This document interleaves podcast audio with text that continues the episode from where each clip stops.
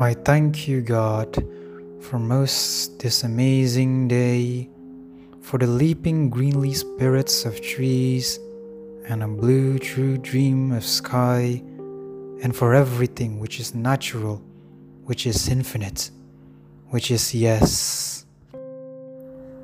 I who have died am alive again today, and this is the sun's birthday.